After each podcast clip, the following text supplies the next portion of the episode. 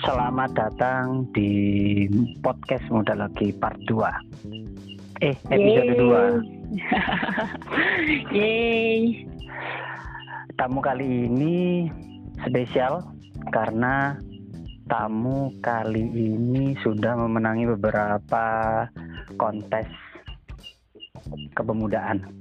Mari kita tanya-tanya namanya beliau itu siapa dan lomba apa saja, kontes apa saja yang sudah dimenangi sama pemuda yang satu ini. Silakan diperkenalkan.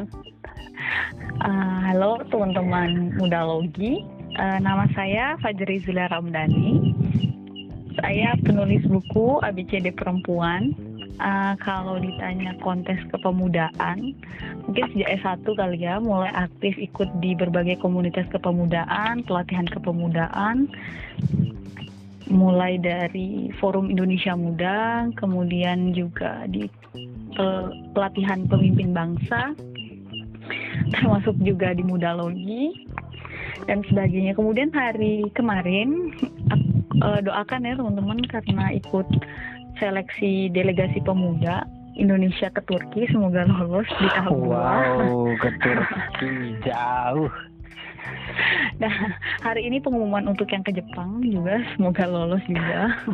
Waduh, ada berapa kontes yang kamu ikuti sekarang, Mbak Zulia? ya ada beberapa lah. Beberapa, ada yang ke Jepang, ada yang ke Turki. Kemarin habis juara dua kayaknya yang dia dia diupload di IG. yang kemarin kalau kemarin juara dua artikel. Artikel. artikel. Mm -mm. Yang tempo hari pergi ke tiga negara itu? Kalau yang kemarin tiga negara itu karena juara satu cipta puisi dan pembacaan puisi nasional. Tingkat nasional juara satu. Akhirnya Mantap, juara satu. Akhirnya dapat ya, ada jalan-jalan ke tiga negara. Nanti boleh ya dibacakan puisinya ya? Boleh ya Uh, boleh. Boleh. Nanti, tapi nanti sekarang kita ngobrol-ngobrol dulu aja tentang gimana ceritanya si Mbak Zulia ini kok bisa hektik banget sama lomba-lomba gitu. Oke. Okay. Uh, kenapa? Uh, pada dasarnya hidup ini kompetisi, uh, kompetisi ya. Uh, kita bahkan sejak sejak janin pun kita berkompetisi dengan uh, berbagai sel lainnya gitu untuk kemudian memenangkan dan akhirnya lahir gitu. Kita berjuang pada banyak hal. Kompetisi itu sebenarnya tidak tidak hanya dapat diartikan secara harfiah lomba-lomba aja. Dalam hal apa pun sebenarnya juga kita berkompetisi baik dengan orang lain maupun dengan diri kita sendiri gitu. Kemudian kenapa sih sampai setua ini gitu? Menurut sampai masih muda kali. Kita kan pemuda. Oh, Jangan tua dulu lah. oh iya betul betul. Kita pemuda ya uh, kenapa sih kok masih suka ikut lomba gitu? Alasan sederhananya adalah untuk satu uh, menjaga produktivitas, dua meningkatkan kompetensi. Uh, yang pertama itu menjaga produktivitas itu karena bisa jadi kita kalau misalnya tidak ikut kompetisi, terutama aku pribadi ya, kalau nggak ikut kompetisi bisa jadi kemudian melupakan atau tidak lagi sibuk pada hal-hal yang sifatnya produktif, atau uh, ada banyak waktu yang kemudian jadi tersia-sia karena hal-hal tidak produktif itu. Kemudian yang kedua, yang yang kedua tadi apa? Yang kedua, ya produktivitas tadi itu tidak melupakan uh, produktivitas. Uh, uh, jadi kita nggak mau oh, meningkatkan kompetensi. Uh, kita kalau berkompetisi nggak selamanya loh. Aku pernah juara juara satu dulu. Kemudian ketika ikut lomba lagi, kemudian aku pasti juara lagi. Itu hampir hampir jarang banget terjadi kecuali memang mungkin orangnya memang sangat sangat hebat ya. Tapi di kompetisi apa pun kita akan bersaing dengan orang yang baru, ditemui dengan juri yang baru, ditemu jadi akan ada tema-tema baru pasti ada hal-hal baru yang kita pelajari gitu iya berarti kita struggle dengan materi-materi yang baru juga ya berarti ya mm -mm. Uh, jadi pokoknya kalau ikut kompetisi intinya bisa banget buat teman-teman untuk meningkatkan kompetensi diri, diri gitu. Selain juga untuk memperindah CV kita soal prestasi ya yang pernah kita raih. Hmm, di masa mendatang pasti bakalan, wah kamu menang ini, menang ini, menang ini. Nah, mm -hmm. itu kan bagus banget untuk CV kita. Mm -mm. Tapi kan itu poin di mana kita hanya mendapatkan side effectnya saja kan kalau CV. Betul. Ya, betul. Yang paling penting itu ya adalah enjoy sama diri. Uh, kompetisi itu adalah cara, salah satu cara untuk meningkatkan kompetensi. Bukan bukan satu-satunya cara, tapi salah satu cara. Teman-teman bisa memilih mau ngapain aja untuk meningkatkan kompetensi. Ada yang misalnya rajin banget tuh ikut seminar online atau rajin banget ikut kelas-kelas kuliah, kuliah WhatsApp dan sebagainya. Ada juga yang kemudian belajar langsung sama orang-orang yang uh, apa expert gitu. Juga ada ada uh, ada banyak cara dan ini cara yang aku pilih gitu. Oh, berarti kan ada macam ada macam-macam cara nih ya untuk mengembangkan kompetensi, untuk uh, tetap menjadikan pikiran kita itu menjadi pikiran yang positif tanpa harus mikir-mikir hal yang negatif, apalagi kita pemuda mm -hmm. gitu ya. Mm -hmm, harus betul. dipenuhi dengan kegiatan-kegiatan positif yang enggak bakalan merusak masa depan kita, mungkin kayak gitu ya. Betul karena kita kita anak muda ya Mas Zen. Sering banget tuh kita bakal terdistrak sama hal-hal yang nggak penting. Cepet banget. Ya kan? Iya sih sering kerasa sih kita, memang. Uh, sering banget kita misalnya pada ada yang penting dan hal yang nggak penting gitu. Sering banget kita ke, ke distrak sama hal-hal yang nggak penting. Contohnya Makanya, aja goyang TikTok. Itu racun banget itu toxic banget dah tapi mungkin bagi sebagian orang kalau TikToknya hanya sekedar hiburan dan tidak uh, menghabiskan banyak waktu, oke okay ya, itu oke okay, mungkin hiburan. Ada juga mungkin yang memang jadi prestasi loh Mas Zen. Iya, berarti kan kita, kita kan tinggal sudut pandang mana hmm, yang kita pakai gitu kan? Betul, sudut pandang dan gimana cara kita memanfaatkannya gitu. Hal-hal yang kita sukai.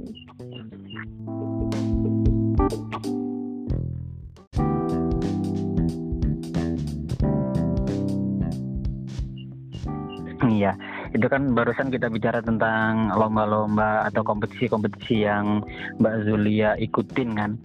Mm-hmm. Terus yang kedua, mari kita gibah tentang ABCD perempuan karya terbaru dari Fajri Zulia Ramdhani. Boleh cerita sedikit tentang ABCD perempuan itu buku apa sih sebenarnya? uh, sesuai judul ya Mas Zain. Iya. Jadi, Terus sangkut pautnya sama pemuda okay. itu apa? Oke, okay. uh, ini ABCD perempuan itu sesuai judulnya teman-teman. Jadi itu kisah atau serba-serbi uh, tentang perempuan. Perempuan itu kan dikenal kompleks sama Zen. Mas Zen yang uh, pasti tahu dong, kok perempuan ini banyak banget sih maunya atau banyak banget, sering banget uh, jangankan laki-laki, perempuan aja sering banget berpikir begitu kepada dirinya atau kepada sesama perempuan. Nah, hal-hal menarik dan unik dan khas dari perempuan itu, uh, aku pribadi sebagai perempuan kemudian mengambilnya menjadi sebuah buku. Jadi di buku itu akan ada judul-judul topik-topik dari huruf A sampai huruf Z tentang perempuan. Hmm, hmm, hmm, mantap ya. Lalu? Jadi, uh, mm -mm. Lan lanjut kalau terus apa sih uh, ini uh, kaitannya sama pemuda? Nah, topik-topik yang dipilih uh, di buku ABCD perempuan itu umumnya adalah topik-topik untuk mereka yang kini sedang berada di usia pemuda. Misalnya aja nih, uh, yang paling sering menjadi kegalauan teman-teman mungkin ya di modalogi adalah soal memilih melanjutin kuliah atau memilih nikah. Ah, itu itu, itu pilihan yang sangat itu, sulit. ah, itu salah satu hal yang apa yang selalu berulang atau selalu ditanyakan atau selalu menjadi apa keresahan teman-teman perempuan di usia uh, di usia pemuda atau di usia teman-teman muda loh. Di buku ini uh, judulnya itu adalah balada melanjutkan pendidikan atau melangsungkan pernikahan. Uh, Ups, ada spoiler nih, ada spoiler. Nggak apa-apa, nggak apa-apa. Uh, jadi, uh, in, uh, jadi ini buat teman-teman ya. Uh, dalam topik ini itu akan diceritakan mengenai bahwa pernikahan dan pendidikan itu dua-duanya punya nilai ibadah. Gak bisa dibenturkan. Kamu sekolah, kamu punya nilai ibadah. Kamu menikah juga punya nilai ibadah. Kamu mengolaborasikan keduanya dengan menikah dan kuliah juga berarti hebat. Atau kamu memilih salah satu dulu, kemudian nanti uh, menyusul yang lain juga nggak ada nggak ada masalah itu. Kembali lagi memang apa uh, pola pikir, pak uh, pola pikir paradigma atau uh, norma-norma sekitar yang sering kali membuat teman-teman perempuan jadinya ciut nyalinya. Hmm, berarti Kapan kan sih kuliah? Mm -mm. kembali Kapan ke sih kuliah individu S2? gitu ya berarti ya. Gimana? Kembali ke individunya masing-masing dan sosial ma- kemasyarakatannya gitu ya. Mm-mm, tapi ya ini adalah eh, cara menjawabnya sih sebenarnya. Hmm, Eh, ya hmm, jawab hmm. aja bahwa pendidikanmu adalah ibadah, menikahmu juga ibadah gitu. Jadi nggak ada yang salah dari keduanya. Kan selama ini di masyarakat Wah, ya apa namanya perempuan itu nggak usah sekolah tinggi-tinggi lah. Nanti eh, toh abu ujung-ujungnya bakalan jadi ibu rumah tangga gitu kan. Mm-mm, betul. Ujung-ujungnya dapur. ya kalau di Jawa kan ada masa maca sama mana 3M itu kan yang diutamakan sama orang-orang. Udah nggak usah nggak usah S2 nggak usah S3 ujung-ujungnya juga ngurusin anak ujung-ujungnya juga ke dapur gitu kan kalau Hmm. pandangan itu sama Mbak Zulia di dijawab dengan apa coba Eh, ya jawaban eh, jawabannya gini sih. Kita nggak bisa menyalahi. Memang em, ber- ber- menjadi istri, kemudian menjadi ibu memang sebuah hakikat perempuan sama seperti laki-laki yang kemudian menjadi ayah dan menjadi suami, ya kan? Hmm. Hakikat yang sama sebenarnya. Kemudian sering kali pandangan merendahkan perempuan sebagai entitas yang tidak berhak untuk menca- eh, berpendidikan tinggi lah yang salah. Hmm. Jadi kan sering kali entitasnya bahwa perempuan itu ya tidak tidak harus tidak seharusnya untuk bersekolah sebagaimana laki-laki karena ya toh juga tidak dibutuhkan dalam eh, dalam dalam rumah tangga. Padahal mungkin teman-teman sering banget ya dengar bahwa misalnya perempuan adalah madrasatul ula apa eh, madrasah pertama bagi keluarganya. Bahwa perempuan perempuan adalah tiang negara dan sebagainya. Ungkapan-ungkapan yang seperti itulah yang sebenarnya harus disadari kepada masyarakat tidak hanya kepada laki-laki tapi juga kepada perempuan yang sering kali menghinakan perempuan bahwa perempuan juga punya hak yang sama dalam menempuh pendidikan punya hak yang sama untuk mengejar cita-citanya dalam pendidikan tanpa melupakan dirinya sebagai entitasnya sebagai ibu atau sebagai istri. Sama seperti laki-laki yang juga seperti itu. Kan nggak mungkin nih Mas Zan kan sekarang juga sudah jadi seorang kepala suami keluarga. uh, seorang kepala keluarga apakah kemudian melupakan dirinya sebagai kepala keluarga karena S2 kan enggak kan? Oh ya otomatis tidak no. Itu juga yang bisa jadi dirasakan oleh teman-teman perempuan gitu. Jadi pandangan-pandangan merendahkan atau eh, merendahkan atau seharusnya dan tidak pantasnya perempuan itu yang mungkin harus pelan-pelan kita kita ru- rubuhkan berarti harus ada doktrin insubordinasi berarti ya? Menghilangkan bahasanya perempuan. bahasanya bahasanya kok tinggi banget gitu ya? Menghilangkan penomorduaan menghilangkan penomorduaan terhadap perempuan. Men- menurut saya ya laki-laki sama perempuan itu kan sama sama-sama manusia sama-sama harus mendapatkan haknya. Gitu aja sih pendeknya. Iya ya. Gitu aja Oke. sih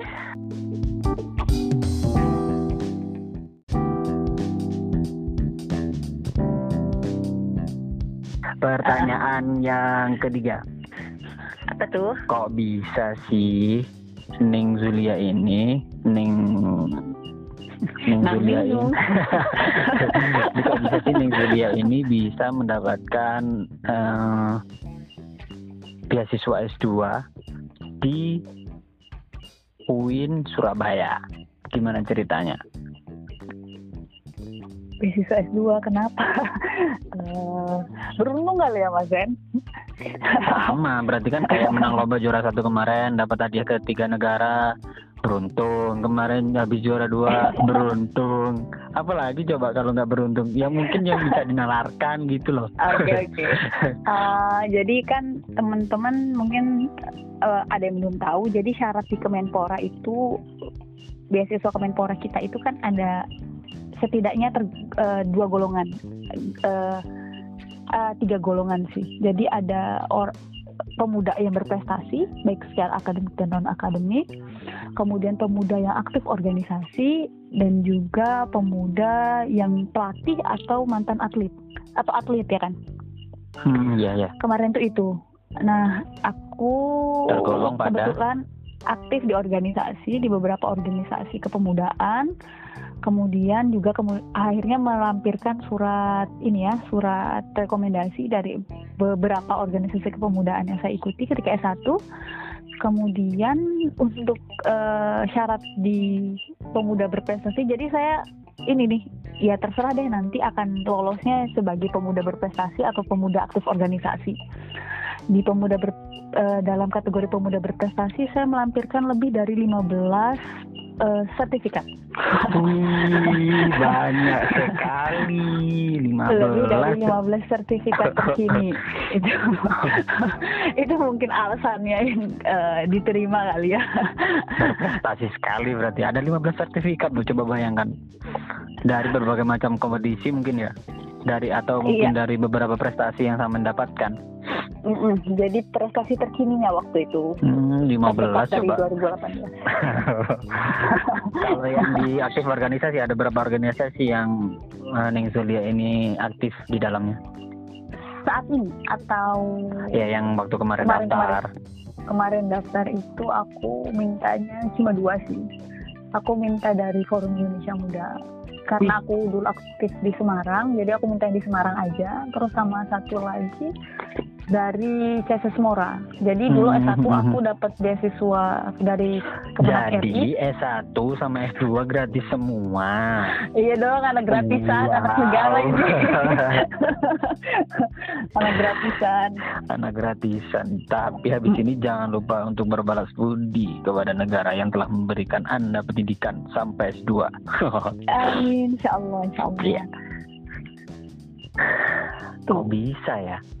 15 sertifikat penghargaan dalam waktu berapa bulan dua itu? tahun terakhir. Oh dua, dua tahun, tahun terakhir. kirain hmm. dua bulan terakhir gitu kok udah bisa dapat oh enggak. dua tahun terakhir kalau nggak salah itu. 2018 dan 2017 oke sekarang uh, sesi terakhir. Tips okay. yang mungkin bisa Ning Zulia sampaikan kepada teman-teman muda kita kita sekarang belum mempunyai sebutan untuk para pemirsa kita ya. Nanti iya, kita pikirkan. ya? iya belum Ayo, belum punya sebutan. Belum punya sebutan untuk pemirsa kita. Uh, paling paling nggak kita sebut mereka itu pemuda. Uh, tips okay. untuk pemuda untuk bisa berkarya mm-hmm. dan tetap produktif di usia muda sampai nanti usia tuanya. Uh, uh, teman-teman nggak ada kata terlambat buat jadi siapa pun kamu masa depanmu itu ditentukan hari ini apa yang kamu lakukan hari ini. Kamu nggak ada satupun orang di dunia ini yang bisa langsung hebat. Kecuali memang ditakdirkan Tuhan ketika lahir bisa langsung berlari atau berhitung. Masing-masing kita butuh proses. Ada yang memerlukan proses yang pendek ada juga yang memerlukan proses yang panjang jadi nentuin kamu di masa depan dimulai dari hari ini. Kalau kamu mau jadi penulis di masa depan, berarti kamu mulai menulis hari ini. Kalau kamu ingin jadi siapa pun di masa depan pengusaha, kah kamu harus mulai dari hari ini. Menjaga produktivitas untuk kemudian terbiasa dengan produktivitas itu. Berkarya mulai hari ini untuk menjaga dirimu, namamu atas nama keabadian. Itu. Karena ya itu itu aja deh. Ngeri. Ngeri. Ngeri. Itu kata-kata terakhir baru saja ngeri. Ngeri. Ngeri sekali. Kalau di apa namanya pepatah Jawa itu ada istilah kayak gini. Iso jalaran soko kulino. Jadi hmm. bisa itu dikarenakan karena memang terbiasa gitu kan. Misal kita bersepeda. Awal awalnya kan hmm. kita mesti jatuh bangun lagi Mm, mm, jatuh bangun lagi. Karena kita saking hektiknya kepada pingin saking bisanya pingin bersepeda kan. Jadi nggak Ah. ngerasain itu sakitnya jatuh gitu kan. Yang penting Ah, dia betul. itu bisa berpinginnya bisa bersepeda. Akhirnya meskipun jatuh beratus-ratus kali dia akan tetap bersepeda. Berarti kan masuk tuh sama eh, pendapatnya Neng Zulia barusan yaitu berkomitmen sama tujuannya ingin jadi penulis mu- mulai menulis dari sekarang. Gitu ya Iya betul. Terus sekali Mas. Oke, Eh, ya, mungkin cukup sampai di sini dulu. Kita akan Iya. lanjut di pertemuan selanjutnya eh, Iya. dengan pembahasan yang serius dibahas dengan ringan seperti ini Uh-uh. dan kita tunggu pertemuan selanjutnya dengan dengan Ning Zulia. Oke, Tapi siap. dengan tapi dengan episode-episode yang lebih menarik lagi.